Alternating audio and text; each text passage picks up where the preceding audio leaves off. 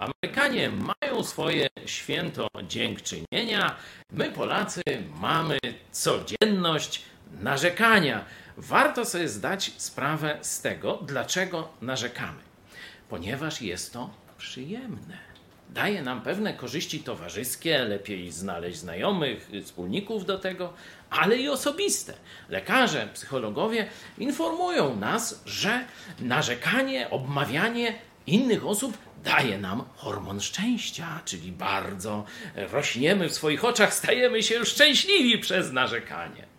Oczywiście na dłuższą metę jest to deprymujące e, i sprawia, że człowiek się smuci, jest ponury, zły i tak. Żeby przestać narzekać, trzeba sobie uświadomić, że to lubimy i że musimy się zmusić do dziękowania. Dziękowanie nie przyjdzie łatwo, narzekanie tak.